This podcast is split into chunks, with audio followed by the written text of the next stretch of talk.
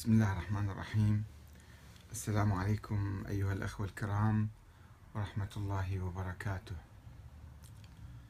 نعيد اليوم بث آه، المقابلة الصحفية التي أجريناها وبثثناها يوم أمس مع آه، صحيفة الوكالة الكردية.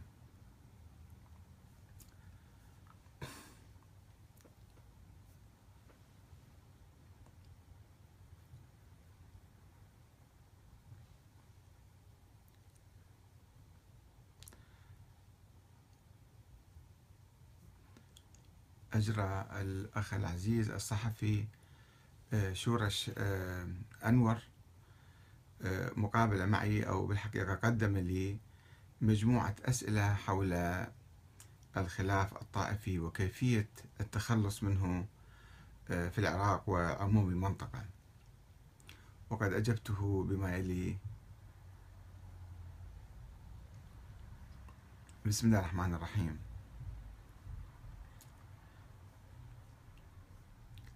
السؤال الأول على رغم مرور أكثر من ألف سنة على الاختلافات والتناحر بين السنة والشيعة ولكن إلى الآن الصراع المذهبي بينهما مستمر كيف تفسر ذلك؟ الجواب في الحقيقة لم يكن هناك صراع مذهبي بين السنة والشيعة يوما في التاريخ ولا يوجد اليوم أي صراع مذهبي وإنما كان يوجد صراع سياسي أو في الحقيقة صراعات سياسية على السلطة بين عوائل مختلفة هاشمية وعلوية وعباسية وحسنية وحسينية وما إلى ذلك. واتخذت أو اتخذت الخلافات المذهبية الفقهية وسيلة للصراعات السياسية وهي كانت تعيش على هامش الخلاف السياسي. المذاهب الفقهية نشأت في دوائر ضيقة محدودة على خامش على هامش الخلاف السياسي الذي كان يعني شعبيا أكثر من الخلافات الفقهية. ويذكر التاريخ أنه في أوج الصراع بين العباسيين والفاطميين في القرن الخامس الهجري. آه، الفاطميين الذين استولوا على شمال إفريقيا والحجاز واليمن والشام وبدأوا يهددون الخلافه العباسية في عقر دارها في بغداد في القرن الخامس الهجري. فإن العلاقات بين العباسيين وبين فصيل آخر من الشيعة هم الاثنى عشرية. آه، كانت على ما يرام هذه العلاقات. بل كان ثمة نوع من التعاون والتنسيق في مواجهة الفاطميين الذين ينتمون إلى جناح آخر من الشيعة الإمامية وهو الجناح الإسماعيلي. وهذا ما يؤكد بأن الصراع لم يكن مذهبيا وإنما كان سياسيا. ومتى تخندق السنة والشيعة في خندق سياسي واحد فلا صراع بينهما. سؤال آه، رقم اثنين هل كانت الاختلافات بشكل لم يكن بالإمكان احتواؤها أو على الأقل التوصل إلى نوع من التفاهم؟ الجواب الاختلافات الكبيرة المتفجرة لم تكن في البداية بين السنة والشيعة وإنما تفجرت بين المعتزلة والأحناف من جهة وبين الحنابلة وأهل الحديث من جهة أخرى في بداية القرن الثالث الهجري في أيام الخليفة العباسي المأمون وما بعده من الخلفاء كالمعتصم والواثق. هؤلاء الخلفاء الذين تبنوا المذهب الاعتزالي الحنفي. إلى أن انقلب المتوكل العباسي على المعتزلة وقرب الحنابلة وأهل الحديث. وعندما كان هذا الخلاف مستعرا بين الطرفين يعني بين المعتزلة والحنابلة كان الخلفاء العباسيون مثل المأمون والمتوكل على علاقة إيجابية مع الشيعة فكانوا يقربون أئمة الشيعة الاثنى عشرية. المأمون قرب الإمام الرضا وابنه الجواد والمتوكل قرب الإمام الهادي ومن بعده من الخلفاء قربوا آه، الإمام العسكري. في حين كانت فصائل أخرى من الشيعة تعلن الثورة على العباسيين. وبالتالي كان هناك من جهة احتواء لبعض الفصائل وحرب مع بعض الفصائل الأخرى. ولم يكن المسلمون ينقسمون إلى معسكرين سنة وشيعة. وإنما إلى أحزاب مختلفة متصارعة سياسيا. نتيجة لطبيعة النظام السياسي ال يعني الدكتاتوري أو العائلي المستبد الذي لم يكن يسمح بمعارضة شعبية ديمقراطية مثلا. فطبيعة النظام هي طبيعة عائلية وأحيانا كانت الخلافات تتفجر بين أبناء العائلة الواحدة كما تفجر الخلاف بين الأمين والمأمون على السلطة. فلم يكن خلافا مذهبيا أو سنيا شيعيا. ربما كان عربيا فارسيا مثلا أو تركيا فارسيا أو تركيا عربيا. لكنه لم يكن خلاف خلافا آه، طائفيا مذهبيا. وعندما قضى العباسيون على الفاطميين في القرن السادس الهجري عاد الخليفة الناصر لدين الله العباسي إلى تبني المذهب الشيعي الإثنى عشري وعمر حتى سرداب الغيبة في سامراء ولو ذهبتم اليوم إلى هذا السرداب في سامراء لوجدتم اسم الخليفة الناصر لله مكتوبا على آه، باب السرداب وعلى منبر في داخل هذا السرداب. إذا فإن الخلفاء أيضا رغم أنهم كانوا يحتوون السنة المذاهب السنية كانوا يحتوون أيضا حتى المذهب الإمامي الاثنى عشري وأحيانا يعلنون أنفسهم هم آه، شيعة تبعا للمعادلات السياسية والتيارات العامة في البلاد. السؤال الثالث وهذه أسئلة مهمة جدا في الحقيقة قدمها هذا الصحفي آه، شورش أنور تدور في أذهان كثير من الناس وبالحقيقة لابد أن يعرف الجميع هذه الخلافات حقيقة هذه الخلافات وجذورها حتى نستطيع أن نقدم الحل لها السؤال الثالث يقول هل ترى وجود محاولات حقيقية وصادقة لإنهاء أو لحد أو للحد من هذا الصراع المذهبي؟ أه الجواب إذا عرفنا جوهر الخلاف بين السنة والشيعة وأنه ليس خلافا فقهيا مذهبيا أو لم يكن كذلك. لم يكن خلافا فقهيا مذهبيا وإلا الخلافات الفقهية المذهبية موجودة بين المذاهب الأربعة أو الخمسة حتى عند أهل السنة. ولم تشكل إلا في فترات محددة يعني. أصبحت أحزاب فحدث التناحر بين حتى هذه المذاهب آه، السنية بين الشوافع والأحناف والحنابلة والمالكية وما إلى ذلك وتاريخ طويل هذا. وإنما كان ولا يزال هذا الخلاف خلافا سياسيا حول من هو أحق بالحكم أي حول الدستور بكلمة أخرى بالمصطلح الحديث.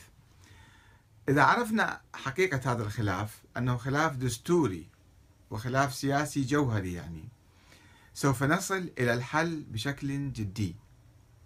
وبما أن جوهر الصراع بين الأحزاب الشيعية والسلطات العباسية قد انتهى منذ قرون فلم يعد في الحقيقة أي صراع حقيقي أو حتى سياسي يعني أو جذري بين أتباع أئمة أهل البيت هؤلاء الأئمة الذين لا وجود لهم اليوم وبين أتباع الحكام العباسيين الذين انقرضوا في التاريخ أيضا.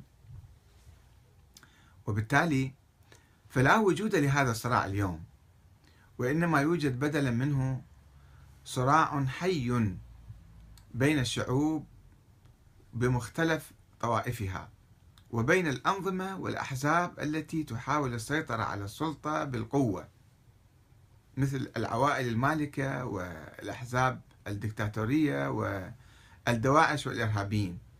ولا يمكن حل الخلاف مع هؤلاء إلا بتسليمهم بالحل الديمقراطي والدستوري الذي يساوي بين المواطنين ويمنحهم الحرية في اختيار النظام السياسي والحاكم الذي يريدون اختيار الحاكم الذي يريدون هذا هو الحل الجذري في نظري للقضاء على الخلاف الذي يبدو طائفيا وهو ليس كذلك. يعني بنسبة 90% الخلاف هو خلاف دستوري سياسي.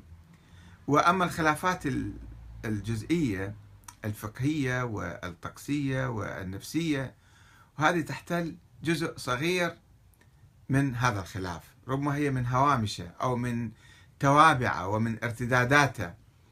وإلا فليعبد من يشاء كما يشاء. ما في مشكلة يعني بين المذاهب.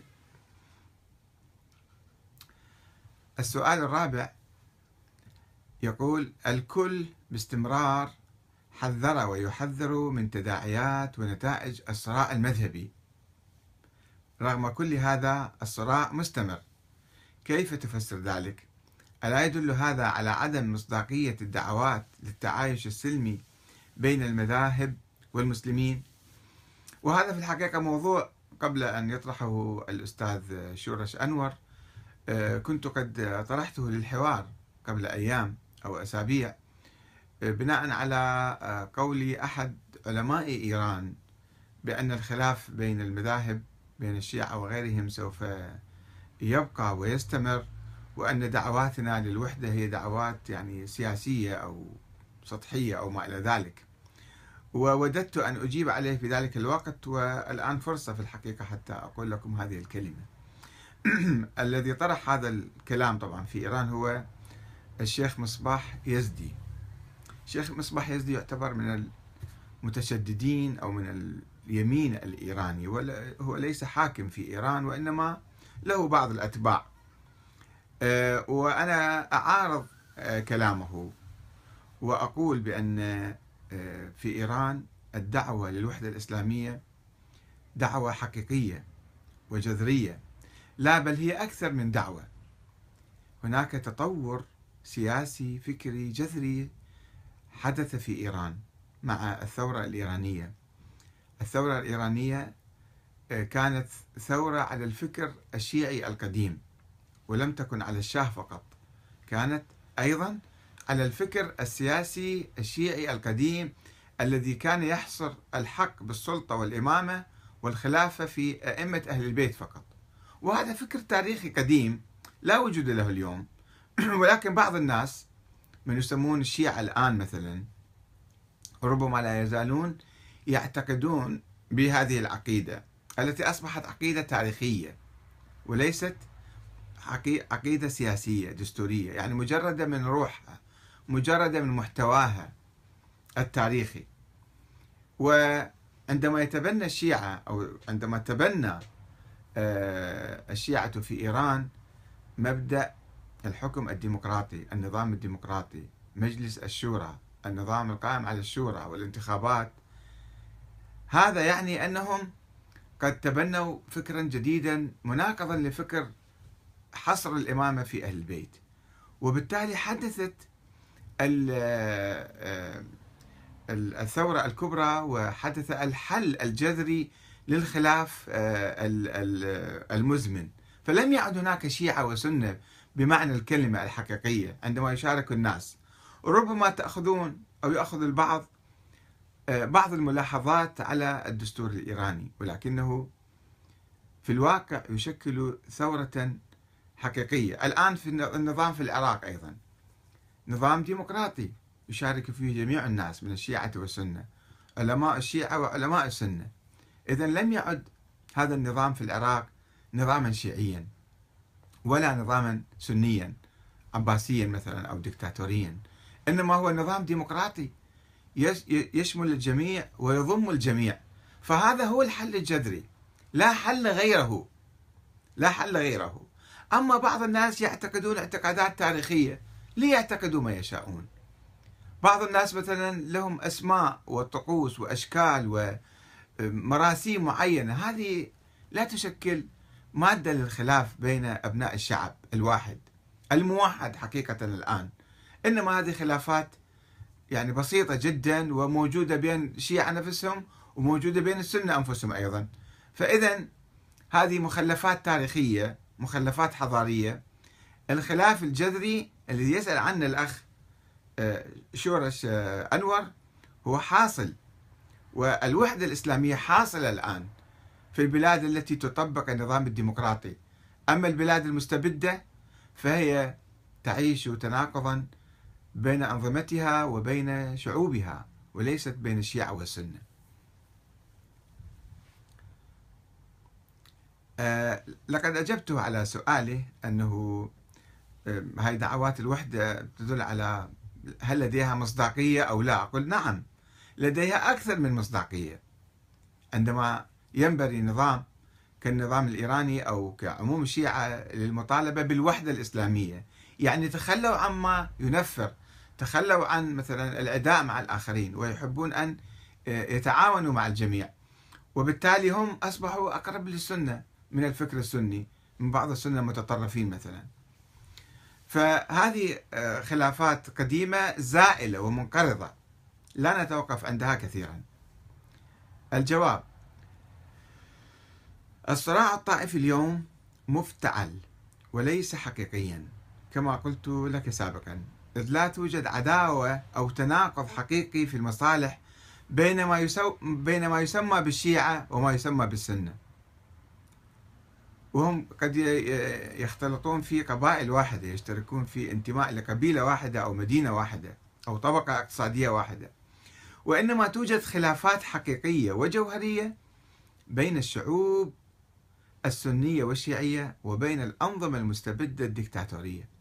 التي تحاول الهيمنة على القرار السياسي والثروات الوطنية واستعباد الناس. وأما دعوات التعايش السلمي فهي دعوات يعني هامشية بسيطة سواء دعينا أو لم ندعو. إذا إحنا آه، طبقنا الشيء الحقيقي والتغيير الحقيقي غيرنا الدستور بما يخدم الجميع بعدل ومساواة فلن تبقى هناك جذور لهذا الخلاف.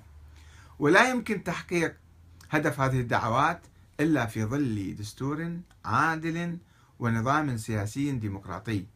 وأما ما يتبقى من خلافات فقهية فهي موجودة بين المذاهب وبين كل مرجع ومرجع. وليست ذا قيمة كبيرة أو مهمة حتى تفرق الناس وحتى تمزقهم أو تقسمهم أو تشعل صراعا فيما بينهم.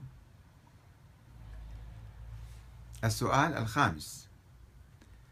من المسؤول عن الاحتدام المذهبي بين الشيعة والسنة؟ المؤسسات الدينية أو الحكومات؟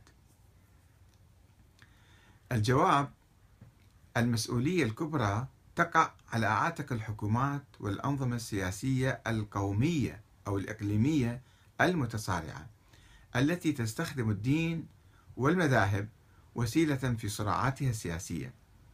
كما يتحمل بعض رجال الدين الذين لم يفقهوا حقيقة الصراعات السياسية المذهبية التاريخية المنقرضة لم يفهموا هذه الحقيقة. ويخوضون صراعات الماضي وينسون جوهر الصراعات الراهنة الحيوية والحية. فيصبون الزيت على نار الفتن الطائفية المستعرة هذه الأيام.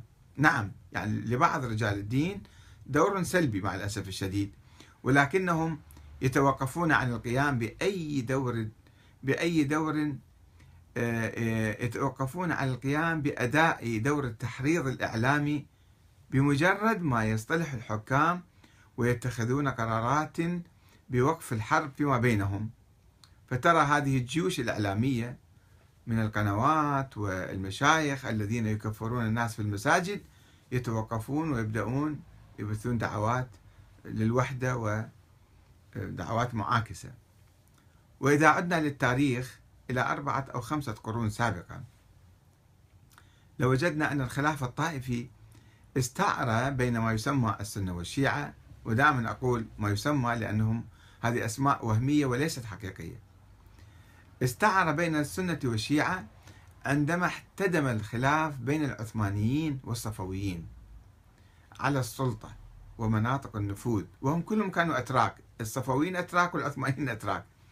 وعندما توقف ذلك الصراع حدث نوع من التعاون والتلاحم والاتحاد إلى درجة قام فيها الشيعة بالدفاع عن الدولة العثمانية في وجه الاحتلال البريطاني للعراق في الحرب العالمية الأولى. السؤال السادس. كثيرا ما يشار إلى الأيادي الخارجية عند الحديث عن الصراع المذهبي بين السنة والشيعة. ولكن ألا ترى أن ذلك سببا آه، سبب ثانوي وأن السبب الرئيسي يتعلق بالداخل أي بالسنة والشيعة؟ وهذا أيضا سؤال في الحقيقة جوهري. آه، الجواب بالعكس لا أرى وجود أي دوافع واقعية أو حقيقية آه، آه، للصراع بين السنة والشيعة في أي مجتمع. وقد عاش الطرفان قرونا طويلة من الزمن جنبا إلى جنب ولكن عندما تتدخل الأيادي الخارجية أو يرفض أحد الأطراف مبدأ العدل والحرية والمساواة والتعايش ضمن دستور ونظام ديمقراطي ويحاول السيطرة على السلطة بالقوة على البلد كما في بلاد كثيرة الآن. هناك أشخاص أو أحزاب أو عوائل تسيطر على السلطة والثروة في البلد وترفض الاعتراف بوجود الطرف الآخر. تنشأ المعارضة. في هذه الحالة تنشأ المعارضة. وينشأ الاختلاف سواء كان النظام سنيا أو شيعيا. وعندما يكون النظام ديكتاتوريا مستبدا فإن المعارضة لا تقتصر على لون طائفي معين. بل تمتد إلى مختلف قطاعات الشعب كما حدث في تلاحم المعارضة العراقية ضد صدام حسين مثلا. وهذا ما يدل على أن سبب الصراع ليس طائفيا وإنما هو سبب سياسي. السؤال الثامن الأجانب أو ما يطلق عليهم من قبل الشيعة والسنة بأعداء الإسلام والمسلمين ماذا استفادوا وماذا يستفيدون من الصراع الموجود الآن والذي نرى آه، ناره في اليمن وسوريا والعراق خاصة. الجواب الدول الاستعمارية تحاول الهيمنة على المنطقة الإسلامية وتحاول تكريس الانقسامات العرقية والطائفية والدينية والقبلية والقطرية بينها كما تحاول بيع أسلحتها ومنتجاتها وتشغيل معامل السلاح لديها. وامتصاص ثروات البلاد الإسلامية. فهي لديها أهداف استراتيجية وسياسية واقتصادية واضحة.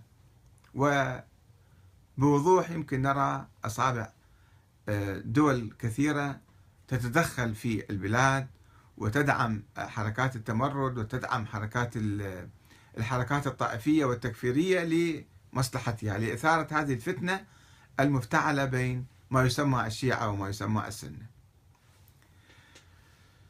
السؤال التاسع. نفس الصراع المذهبي كان موجودا في أوروبا خاصة بين الكاثوليك والبروتستانت ومن المعلوم أن تاريخ الصراع كان مريرا ودمويا بين المذهبين المسيحيين. ولكن بالنهاية الغرب المسيحي توصل إلى نوع من التفاهم إزاء صراعاتهم المذهبية والتي بدورها أدت إلى السلام المذهبي إلى يومنا هذا في الغرب كيف حدث هذا؟ وهل يمكن أن تستفيد أن نستفيد نحن كسنة وشيعة من هذه التجربة المذهبية الأوروبية الناجحة؟ الجواب آه، تحدث أحيانا ثورات فكرية ذات أهداف إصلاحية في النظام العام كما حدث في أوروبا وكما يحدث اليوم في عدد من البلاد العربية والإسلامية وإن لم تتخذ الصبغة الطائفية أو المذهبية ولكنها موجودة. وقد حل الغرب مشكلة الصراع على السلطة بإقامة الأنظمة الديمقراطية ويمكننا التعايش في ظل أنظمة ديمقراطية عادلة وحرة لكي ننعم بالأمن والسلام في بلادنا. كما نعيش نحن المسلمين في الغرب مثلا بأمن وسلام في ظل الأنظمة الديمقراطية الغربية حتى المسيحية مثلا. فهذا هو الحل الوحيد في الحقيقة. آه، الغرب آه، اخترع آه، النظام الديمقراطي يعني طوره بالحقيقة هو كان من قديم بعض بذوره موجودة. ونحن المسلمين حتى الآن لم نتفق على يعني بصورة عامة أتكلم وخاصة من يتبنى الفكر السلفي والفكر الإسلامي المتشدد يرفض الديمقراطية ويرفض الدستور ويرفض هذه المنتجات الحضارية الإنسانية التي حلت مشاكل العالم ويتشبث بنظرية الحكم العسكري أو الحكم الطائفي أو الحكم العائلي أو الحكم مثلا آه، الحزبي من حزب واحد. هذا يولد مشاكل ويولد حروب كما ولد عبر تاريخنا الطويل. فلا بد أن آه، إحنا نراجع هذا آه، التاريخ وننظر إلى جذر المشكلة حتى نحلها. السؤال العاشر هل بقي اليوم مجال أو حيز للفرقاء المتناحرين من السنة والشيعة للتوصل إلى نوع من التفاهم أم الوقت قد تأخر جدا؟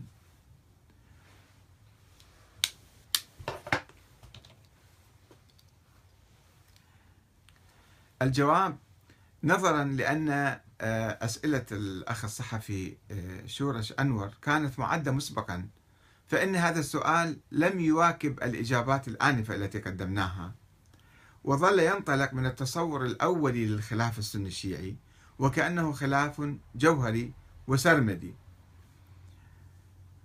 آه، ولكني بينت سابقا بأن لا وجود لصراع سني شيعي حقيقي وإنما توجد صراعات سياسية حقيقية بين الشعوب والأنظمة والأحزاب والعوائل التي تحاول احتكار السلطة وتواجه مطالب الشعوب بافتعال معارك جانبية وهمية لإشغال الناس بها.